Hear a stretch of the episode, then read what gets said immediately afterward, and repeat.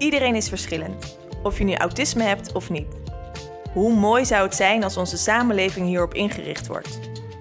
Met het project Verborgen Intelligentie zoomen we in op zeven kinderen en jongeren met autisme die niet of nauwelijks praten. Wat gaat er in hun om? Hoe luisteren wij naar hen? Hoe ondersteun je ze het beste? In deze podcast vertellen betrokkenen, experts en anderen hoe zij dit zien. Welkom bij de eerste aflevering van de podcast Verborgen Intelligentie. Ik ben Diewertje Blijnberg en ik neem jullie graag mee in de wereld van autisme. Vandaag zit ik met Willeke van den Hoek van Vanuit Autisme Bekeken en Bart Meijer, levensloopbegeleider, aan tafel.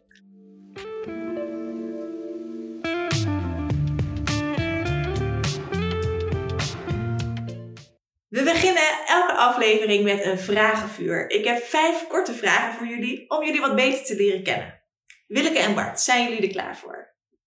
Ja. Yes. Nou, daar komt ie. Vraag nummer 1. Willeke, wat is jouw link met autisme? Uh, een van mijn kinderen heeft autisme. En Bart, wat is jouw link met autisme? Nou, ik kom uit de theaterwereld, maar 2,5 jaar geleden uh, ben ik uh, gekoppeld via de klik als levensloopbegeleider aan een jongen. En reis ik nu al 2,5 jaar samen met hem in de wereld van autisme. Dus professional of ervaringsdeskundige? Uh, professional, uh, want daarnaast ben ik ook door de pilot in aanraking gekomen met Stichting Klimkort. En daar werk ik nu sinds uh, anderhalf jaar voor. En zij zijn een koepelorganisatie voor ZZP'ers in de wereld van autisme en ADHD. En dan voor jou, Willeke, professional of ervaringsdeskundige? Ervaringsdeskundige dus, waarbij wel gezegd mag worden dat ik daarna in de wereld ben gaan werken. Maar... Dus ook professional geworden? Uh, ja, zo zou je dat kunnen noemen. Willeke, wat is het grootste misverstand over autisme? Oh, ik denk het, het hardnekkigste misverstand wat ik ervaar is dat mensen denken dat iemand met autisme geen contact zou willen. Heel pijnlijk vind ik dat om te zien. Zeker. Grootste misverstand, Bart? Ja, ik kan eigenlijk alleen maar beamen wat um, Wilke zegt. Ik, uh, ik had zelf erover nagedacht dat mensen heel vaak uh, teruggeven van dat ze geen gevoel hebben of ze hun gevoel niet kunnen uiten. Dat ze geen gevoelens hebben, laat ik het daarbij houden. Grootste misvatting. Absoluut. Heel goed. Ja. Hey Bart, als levensloopbegeleider uh, werk je dus ook veel met mensen met autisme. Wat is de beste les die je van hun hebt geleerd? Beste les? Um, dat je je mag laten verrassen. En dat je jezelf durft open te stellen. Daar bedoel ik eigenlijk mee te zeggen, uh, je kwetsbaarheid mag tonen. En daar wil ik later nog wel iets over zeggen. Zeker, daar gaan we straks nog even op terugkomen. En Willeke, jouw beste les die je ooit hebt gekregen van iemand met autisme? Uh, mijn beste les heeft denk ik te maken met uh, wat ik me ben gaan realiseren over mezelf, maar ook wel over de hele samenleving en hoe wij dingen georganiseerd hebben. Dat we er zo vaak van uitgaan dat de manier waarop we dingen georganiseerd hebben normaal is. Daar denken we niet meer over na.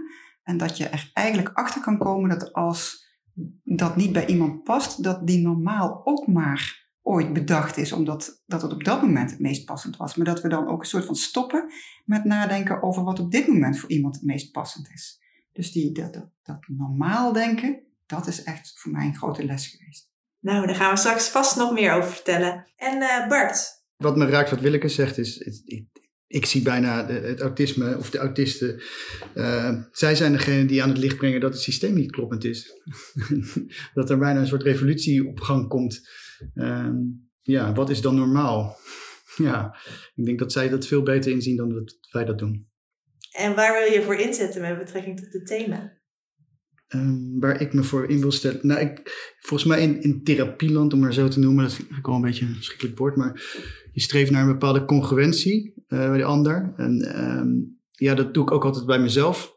Um, en daarin zit ook een stuk kwetsbaarheid durven delen. Dus eigenlijk dat menselijk aspect. En niet zozeer jezelf erboven verhevelen. En uh, die gelijkwaardigheid opzoeken van mens tot mens. En dat is het vertrekpunt. Dat is ook zo mooi bij uh, FAP. Ik moet even met een afkorting te geven, vanuit autisme bekeken, is die kans daar gegeven om vanuit dat mens tot menspunt uh, te vertrekken en zo die reis aan te gaan.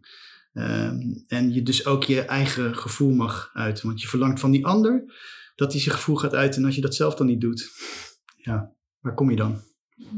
Zeker, mooi gezegd. Dankjewel. En jij, Willeke? Ja. Wat is jouw missie? Mijn missie, wou ik eerst nog zeggen dat ik dat ook heel mooi gezegd vond van Bart.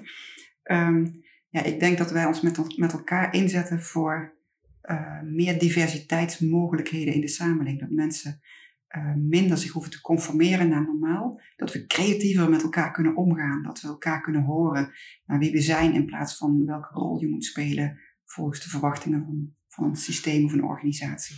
Daar zou ik me gewoon graag voor inzetten. Dat iedereen meer zichzelf kan zijn. Nou, daar gaan we het over hebben. Dank jullie wel voor dit vragenvuur.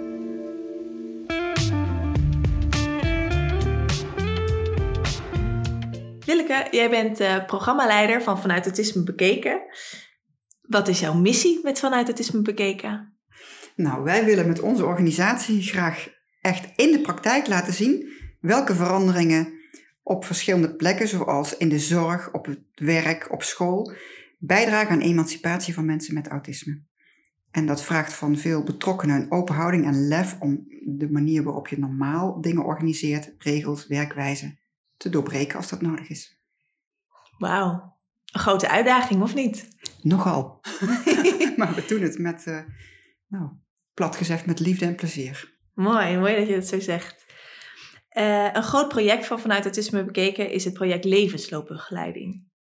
Een nieuwe vorm van ondersteuning en begeleiding voor mensen met autisme. Wat maakt het zo waardevol, dit project?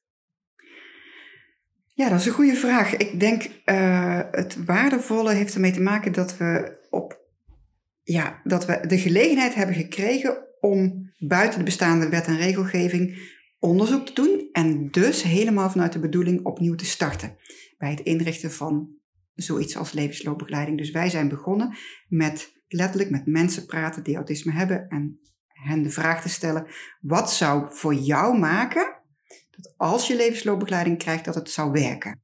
En wat was hun antwoord dan? Nou, hun antwoorden hebben eigenlijk geleid tot direct tot de uitgangspunten van de hele pilot. Een antwoord wat we, nou, zeg maar in vier van de vijf gevallen hoorden, was dat mensen zeiden: Ik heb in het verleden wel vaker begeleiders gehad. En eigenlijk altijd, als ik dan een nieuwe begeleider had, dan wist ik altijd wel binnen vijf minuten of dat het zou gaan werken of niet. Of de klikker is, ja. Of de nee. klik er is. En wij hebben gezegd, als dat dan zo belangrijk is, en, uh, dan, dan willen we dat ook regelen. Dus de klik is bij ons het, het allerbelangrijkste uitgangspunt.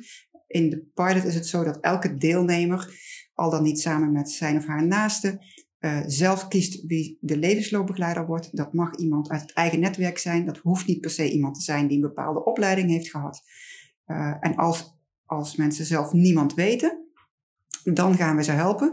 Dus we hebben in elke locatie echt een, een pool van mogelijke levensloopbegeleiders samengesteld. Die mensen laten we kleine filmpjes opnemen, zodat er echt een bibliotheekje ontstaat waarin gesnuffeld kan worden. En dat hele proces van het vinden van iemand met wie ik echt een enorme klik ervaar en vertrouwen in heb, dat faciliteren we gewoon zo, zo goed mogelijk. Dus dat is echt wel het allerbelangrijkste antwoorden. Maar er zijn er meer geweest. Uh, antwoorden hadden te maken met dat levensloopbegeleiding beschikbaar zou moeten zijn op het moment dat je het nodig hebt. En dat is dus niet hetzelfde als dat je zegt, ik heb het twee of vier uur in de week nodig. Dat is Nee, maar dat in, zou wel fluctueren, denk ik. Zeg enorm fluctueren. Ja. We zien bij sommige deelnemers is het best stabiel, maar we zien ook deelnemers bij wie er enorme pieken zijn als er iets heel spannends aan het gebeuren is. Ja. En ook zien we deelnemers bij wie het gewoon zo goed gaat dat het eigenlijk kan afschalen naar bijna niets. Wij noemen dat waakvlamcontact. Mooi, waakvlamcontact. Ja. ja. En uh, dat hebben we zelfs zover doorgetrokken dat we gezegd hebben: eigenlijk stopt het traject niet tenzij iemand niet verder wil. We hebben gezegd: het is levenslang, autisme gaat niet over. Een waakvlamcontact is genoeg. Want op het moment dat er zich wel weer iets aandient, dat er iets heel spannend is, waardoor je ja. denkt van, en nou zou ik weer willen bellen of, of wil ik weer een gesprek, dat diezelfde persoon gewoon zonder welke nieuwe indicatie dan ook gewoon weer voor jou uh, klaarstaat. Want die heeft jou gewoon gevolgd. Zo waardevol lijkt mij. Als ik ook kijk in mijn eigen leven, maar ik denk het leven van iedereen. Alles gaat altijd in golfbewegingen. Ja. En uh, bij mij was het dan weer uh, een nieuwe collega's op het werk, wat gewoon weer heel, veel, heel spannend was en even ja. weer afstemmen was. En dan had ik echt weer even wat extra begeleiding nodig.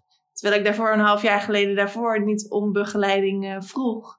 Maar zo kan het altijd in die golfbeweging gaan. En levensloopbegeleiding kan dus meebewegen in die golfbeweging. Heel erg mooi. Ja, dat klopt. En wat we op die manier voorkomen is dat mensen op het moment dat je zegt van ik krijg nieuwe collega's, ik had dit niet voorzien, ik heb extra begeleiding nodig, dat je dan opnieuw feitelijk een indicatie aan moet gaan. Ja. Uit moet leggen wie je bent. Een nieuw, dan moet je eigenlijk uh, wachten. Weer een nieuwe coach. Dan moet je misschien nog een wachttijd. En dan precies Ja. wat je zegt, weer een nieuw iemand. En dan kan het misschien al zo ver geëscaleerd zijn dat het probleem veel groter is geworden dan wanneer die persoon gewoon eh, nog beschikbaar was.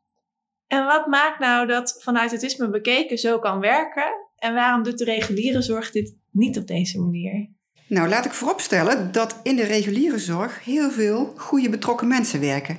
Waarom doen zij dat niet op deze manier? Ik denk dat in de afgelopen tientallen jaren ehm, de, de wet en regelgeving door inkopende organisaties, door gemeentes of zorgkantoren, vertaald is naar hele strak geregelde inkoopprocedures. Daarin staat precies vastgelegd hoe het allemaal moet. Uh, dus mensen uh, doen dat voor een beperkte tijd, moeten zo snel mogelijk doelen halen. Er zitten allerlei eisen aan. En zo uh, worden eigenlijk de mensen in de zorg heel erg geleefd door hoe het door de inkoper zo efficiënt mogelijk ingeregeld is geworden. En die inkoper doet dat ook met de beste bedoelingen. Nu hebben we binnen de pilot eigenlijk een unieke kans gehad, een soort bubbel waarin we ons niet aan een WMO of een WLZ of een jeugdwet hoeven te houden. We hadden gewoon geld om vanuit de bedoeling dit opnieuw op te starten. En zo zijn we dat kunnen gaan doen. En daar zijn we heel dankbaar voor. Daar zijn ook reguliere zorgverleners, de mensen die daarbij werkten. Een aantal daarvan zijn ook gekozen door onze deelnemers. Dus die hebben dat, dat proces van het opbouwen ook mee kunnen maken. En zo hebben we eigenlijk met elkaar uh, ja, een, een, een nieuwe formule uitgevonden. En heel, wij merken ook dat heel veel reguliere zorgverleners met ons dat traject in willen. Dus naar de toekomst toe ook op die manier willen gaan werken. En dat is feitelijk wat wij graag zien. Het gaat er niet om dat wij dat moeten doen, maar dat de denkwijze, de werkwijze geadopteerd wordt. En dan kan er volgens mij ook gewoon veel meer maatwerk geleverd worden. Heel veel meer maatwerk, want dat is feitelijk gewoon het, denk ik, een heel centraal woord in wat we aan het doen zijn. Het project levensloopbegeleiding is nu al een tijdje op weg. Uh, er zijn ook onderzoeksresultaten uh, bekend geworden.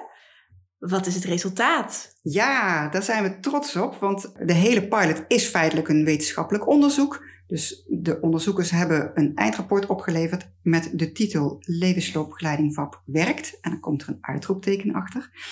Ik zeg er altijd heel bescheiden bij, dat wil niet zeggen dat het in alle gevallen, elke minuut van de dag, voor elk van onze deelnemers het, het uh, perfect gaat. Zo ziet het er simpelweg niet uit. Maar in zijn algemeenheid uh, hebben zowel de deelnemers als ook de naasten, als ook de levensloopbegeleiders aangegeven dat het voor hen een hele fijne, goede werkwijze is.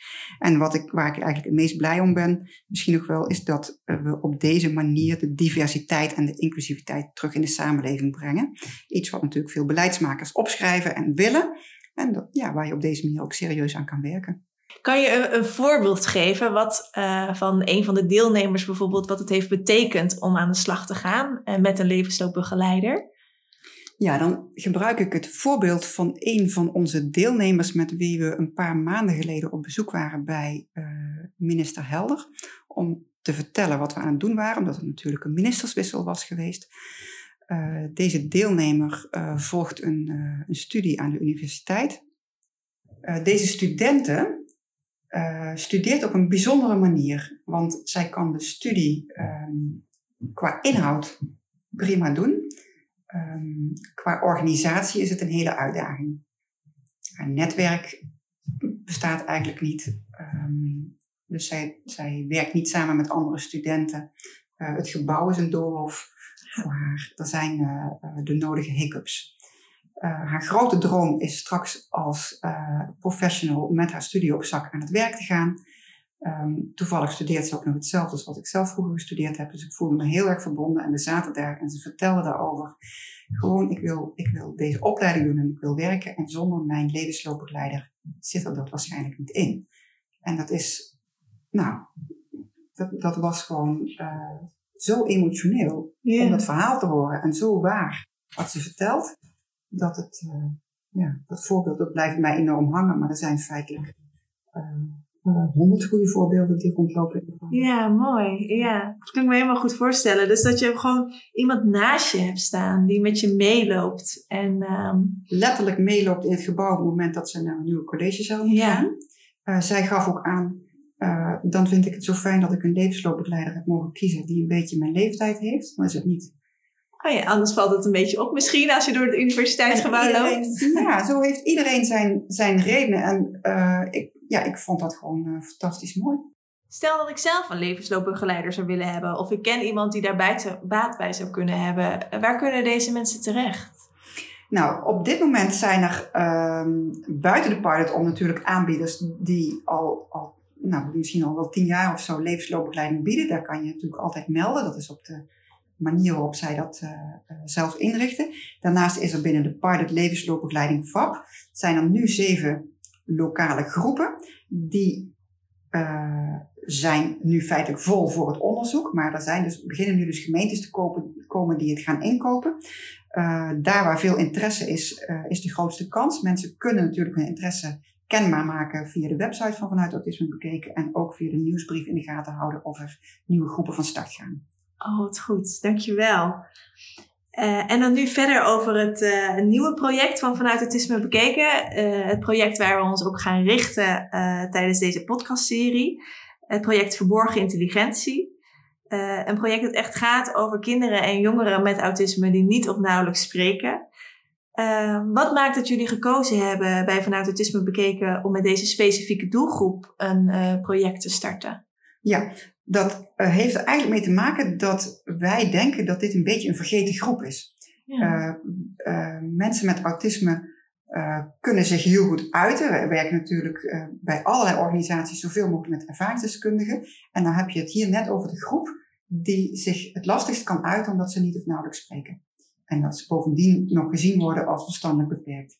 Nou, er is um, in 2019 een onderzoek uitgevoerd door Ingrid Klaassen binnen het programma uh, ondersteuning passend zorgaanbod, dus OPAS. En daaruit uh, blijkt uit een grote enquête uit honderden mensen dat, er, dat 60% van de mensen die te maken heeft met deze jongeren, die dus zowel het stempel autisme hebben als het stempel verstandelijke beperking, dat men daaraan twijfelt of dat die laatste uh, ja, klassificatie, verstandelijke beperking, of dat dat wel klopt. Ja. En dat vonden we nogal een heel fors aantal. Want als je dan bedenkt dat je met zo'n stempel um, uh, verstandelijke beperking ook vanaf dat moment op die manier bejegend gaat worden, dan kon het nog wel eens knap pijnlijk zijn dat je eigenlijk helemaal niet gezien bent voor wie je bent. Ja, daarom extra belangrijk dat we ook kennis gaan krijgen over deze doelgroep. Extra, extra belangrijk. En wij zijn niet de enige die er extra aandacht aan gaan geven. Ook de NVA, de Nederlandse Vereniging voor Autisme, heeft een expertgroep op het gebied van autisme en verstandelijke beperking. Dus we zijn blij dat er meer en meer aandacht voor komt. Met welk doel zijn jullie gestart met dit project Verborgen Intelligentie? Wat wil vanuit autisme bekeken met dit project bereiken? Heel algemeen gezegd, wij willen heel graag dat er aandacht komt voor deze doelgroep. Wij vermoeden dat er veel te bereiken is. De kinderen zelf spreken niet.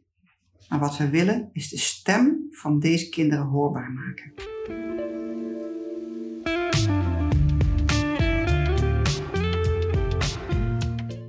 En als we het dan hebben over de stem laten horen van deze doelgroep, dan kom ik al heel snel bij Bart. Want jij bent uh, levensloopbegeleider van twee jongeren die niet of nauwelijks spreken.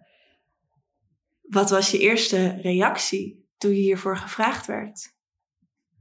Dankbaar. Ja, dankbaar dat ik deze kans krijg uh, om deze jongens te mogen ontmoeten.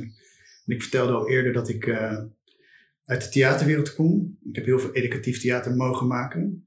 Om de wereld een stukje mooier te maken. Dingen aan het licht te brengen. Onder de aandacht te brengen.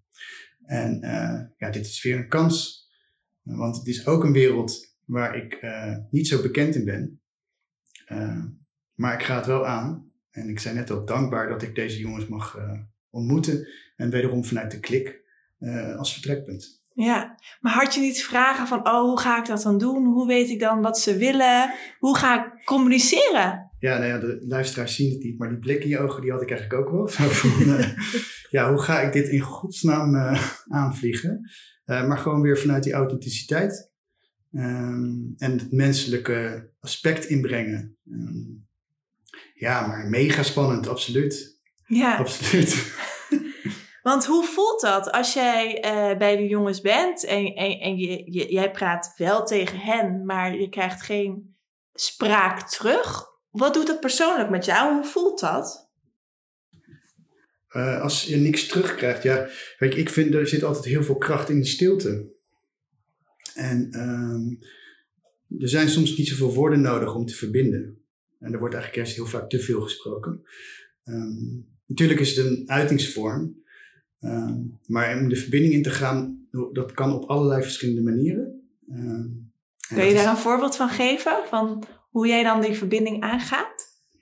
Uh, ik denk eigenlijk heel simpel door je hart te openen. Ja. Ja. En doe je dat ook met aanrakingen of door kijken? Ja, in dit geval um, zijn jongens van uh, tweeling 19 jaar. Hebben natuurlijk al heel lang uh, een, een, reis gemaakt samen met de ouders en betrokkenen. En dan kom ik dan in één keer als, uh, ja, als voorbijganger ingevlogen. Dus dat is ook een beetje laveren, hoe ga je daarmee om? Maar ik ben heel goed opgevangen door de moeder. waarmee ik ook echt een goede klik heb. En ik, dat is dan weer een verlenging van die jongens. Dus als ik de zorg kan bieden als levensloopbegeleider aan de moeder, dan heeft dat indirect natuurlijk ook weer effect op de jongens. Ja, dus je bent ook een soort levensloopbegeleider van de moeder. Absoluut. Hey, en Bart, welke kansen zie jij voor deze jongens, voor dit gezin als levensloopbegeleider? Ja, ik hoor je zeggen kansen. Wat er eigenlijk bij mij naar boven komt is uh, volgens mij een grondrecht of een recht van ieder mens is zich te kunnen uiten. En daar zijn allerlei, allerlei verschillende vormen voor. Dus um, ondersteunende communicatie. En daarin liggen nog heel veel kansen. En dat is ook wat ik terugkrijg van uh, de ouders, van, vooral van de moeder. Uh, en de oma, die zeer betrokken is bij de jongens. Uh, die heel veel onderzoek al heeft gedaan. Dus de kansen liggen op, tafel eigenlijk. Om een vorm te vinden voor de jongens. Waarmee ze zich beter kunnen uiten. En ja, ik kan een voorbeeld noemen waarin de nood eigenlijk heel erg groot is. En ik heb het besproken met, met de moeder en die vindt het ook prima als ik dit deel. Is dat een van die jongens, ja, die is geopereerd vanwege een tumor in zijn keel. Als die jongen eerder had aan kunnen geven dat hij last had van zijn keel, was er misschien bepaalde dingen kunnen voorkomen worden. nou, dat is natuurlijk een extreem voorbeeld. Um, het belang van communicatie eh, is zo, is zo belangrijk. Absoluut. Um, dus ja, vooral die, die uiting, dat menselijk aspect, dat is denk ik ook wat me raakte van deze pilot. De verborgen intelligentie. Uh, ieder heeft altijd een verhaal, er zit altijd een verhaal ergens achter. Uh, en er zijn dus verschillende vormen om, uh, om, daarmee aan de slag te gaan. En, ja, als ik daarin die ouders kan helpen via de pilot, om het ofwel onder de aandacht te brengen, ofwel mogelijkheden kan, kan realiseren. Een spraakcomputer tot, ja, er zijn verschillende soorten. Er zijn heel veel mogelijkheden, ja. Uh, maar die behoefte die is zo sterk om echt de stem, uiteindelijk de stem van de jongens te laten horen. Uh, ja, het raakt me eigenlijk als ik het zeg. Ja. Zie je het ook als een doel op zich om de stemstem te horen? Of is het meer de de stem te laten horen. De stem te laten horen, de laatste. Ja, ja. ja heel mooi dat je dat zegt. Hm. Ja, hey, en als we het hebben over deze doelgroep. Mijn vraag die toch in me opkwam toen ik hierover hoorde, toen ik over dit project hoorde, was heel simpel. Waarom? Waarom praten deze kinderen niet? Waarom praten deze jongeren niet? En had jij diezelfde die vraag ook niet? Of dacht je daar helemaal niet over na? Waarom? Um, ik ben op zich wel nieuwsgierig van aard, maar die vraag zo waarom. Het feit dat je hier al langer over moet nadenken, vind ik eigenlijk heel mooi. Hmm. Want je kijkt gewoon naar de jongens, hoe ze zijn. En zonder daar precies een reden voor te hebben of een, of een waarom-vraag in te stellen. Ze zijn zoals ze zijn. Absoluut. Ja. Dat is eigenlijk heel mooi. Ik vind het eigenlijk een heel mooi antwoord, jouw stilte. stilte is ook een antwoord. Hey, en um, uh, waarom ben je eigenlijk levensloopbegeleider geworden? Daar ben ik eigenlijk wel heel erg benieuwd naar. We gaan er even een sprongetje maken. Waarom, waarom? Dan, uh, vroeger leerde je altijd van, nee, er zit er een oordeel in. Maar Socrates die zou weer zeggen van, nee, dat is juist heel goed om die waarom-vraag te stellen. Uh, ja, waarom uh, ja, waarom is die kans mij toegedaan? Weet je, het is op mijn pad gekomen. En, en zo kijk ik ook wel een beetje in het leven. Iets komt op je pad. Ik vind ook omdat je daar misschien ontvankelijk of open voor staat. En mijn manier eh, kan laten gelden. En ja, dat is toch de ware, de ware essentie, denk ik. Dat je jezelf kan zijn ten alle tijden. Mhm. En dan kom ik een beetje op, ja, terug bij theater. Misschien dat ik ooit alweer in theater ga en dan heb ik het over de professionele pet. Want ja, wat is dan de professionele pet? Als ik nog één kleine anekdote mag teruggeven, hoe ik zeg maar als levensloopbegeleiding te werk ga. Dat is eigenlijk, nou niet voor de verborgen intelligentie pilot, maar die andere pilot mag ik die jongen, nu 2,5 jaar mag ik die begeleiden. En in het begin weet ik nog wel dat ik hem echt moest prompten, om zo te zeggen, om hem over de drempel te krijgen. En ik ging dan met die jongen naar buiten, we gingen een stuk fietsen. En ik zat toen in een, in een, in een relatiecrisis. En ik kwam toen bij hem en toen zei ik tegen hem van, uh, misschien voel je het, je hoeft er verder niks mee, maar ik zit gewoon even in een relatiecrisis. Ja. That's it. De volgende keer kwam ik bij hem, toen kwam zijn moeder naar buiten. Toen zei hij, Bart, dat jij zo eerlijk bent geweest. Dat heeft hij zo gewaardeerd. Gezien worden als mens. En ik zit vervolgens, ik zit vervolgens op, op de fiets en hij vraagt aan mij, hey Bart, hoe gaat het met je? Ja, toen kreeg ik dus kippenvel en toen had ik de verbinding. En dan kan je zeggen van ja, als professional mag ik dit niet gaan delen. Ik begrijp ook wel dat ik niet heel mijn levensverhaal ga op tafel gooi. Uh, maar wat is dan de professionele pet? Je verwacht van die ander dat die gevoelens uit. Mag je dat dan zelf niet als professional? Heel mooi. Jullie hebben een verbinding van mens tot mens. Absoluut. Ja. En die jongen, die kwam dus amper buiten en die heeft in april heeft hij een festival hier in Utrecht bij Elvia beleefd. Ja. Oh. Ja, dus ik zei in het begin van, volgens mij tijdens de introductie, laat je ook verrassen. En dat is wat ik doe. Laat je verrassen. Verrassen. Openstaan. Dat hoor ik ook heel erg in je verhaal. Mhm. Openstaan. Niet zozeer overal gelijk een waarom of een oorzaak, gevolg. Maar openstaan, luisteren, kijken. Ja, absoluut. Nou Bart, volgens mij uh, is dat uh, waar levensloopbegeleider uh, heel erg sterk in mag zijn. En volgens mij ben je dat. Ik voel me inderdaad wel als een vis in het water. Ja, super mooi hoe je dat zegt. Het recht om je uit te kunnen spreken is zo belangrijk. Ook voor deze jongeren. Deze jongeren een stem kunnen geven. Wat gun jij deze jongeren nog meer? Ja, je zegt het eigenlijk al, een stem te kunnen geven. En, um, ik moet je eerlijk zeggen, ik heb net uh, nou, deze ochtend uh, de moeder mogen spreken. En die vertelde me dat uh, ja, een van de jongens die dus al geopereerd was aan zijn keel, waar ze dus een, een, tumor hebben gevonden. Daar hadden ze een gedeelte van weggehaald en ze hebben nu besloten van ja, de rest ook weg te halen. Maar dat betekent dus wel dat er ook stembanden worden weggehaald. En dus hij verliest ook letterlijk zijn hij stem? Hij verliest ook letterlijk zijn stem. En ja, de noodzaak was er al voor die ondersteunende communicatie. Maar die is nu helemaal heel erg groot.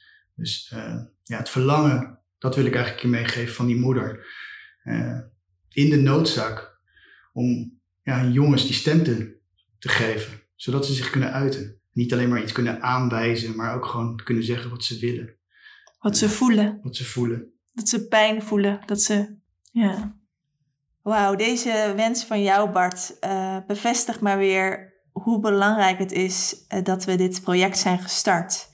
Verborgen intelligentie, mensen, kinderen, jongeren een stem geven. Willeke, wat is jouw wens dan nog voor de toekomst?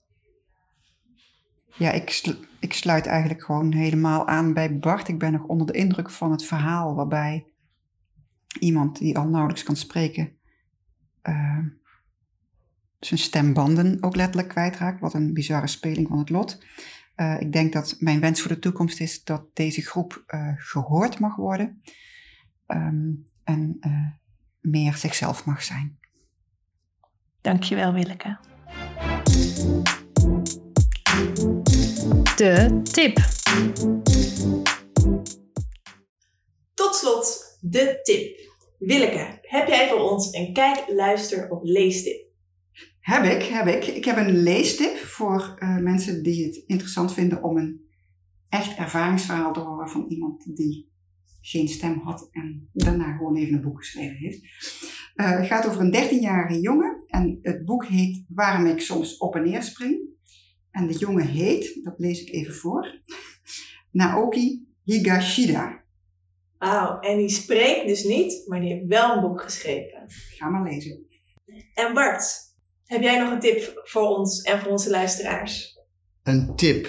Ja, kijk, er is zoveel aanbod. Ik zou bijna willen zeggen van ja, als je dan uh, in de verbinding gaat, vergeet het allemaal. Ga vanuit die leegte, ga die verbinding in, want uh, dan kan je pas vullen.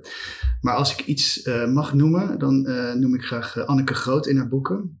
En eerste boek van haar, ik weet niet of het eerst is, maar Hou vast. En een ander boek wat me is bijgebleven is Neurospeciale kinderen begrijpen en begeleiden. Ik heb ook meerdere keren een training mogen volgen van haar.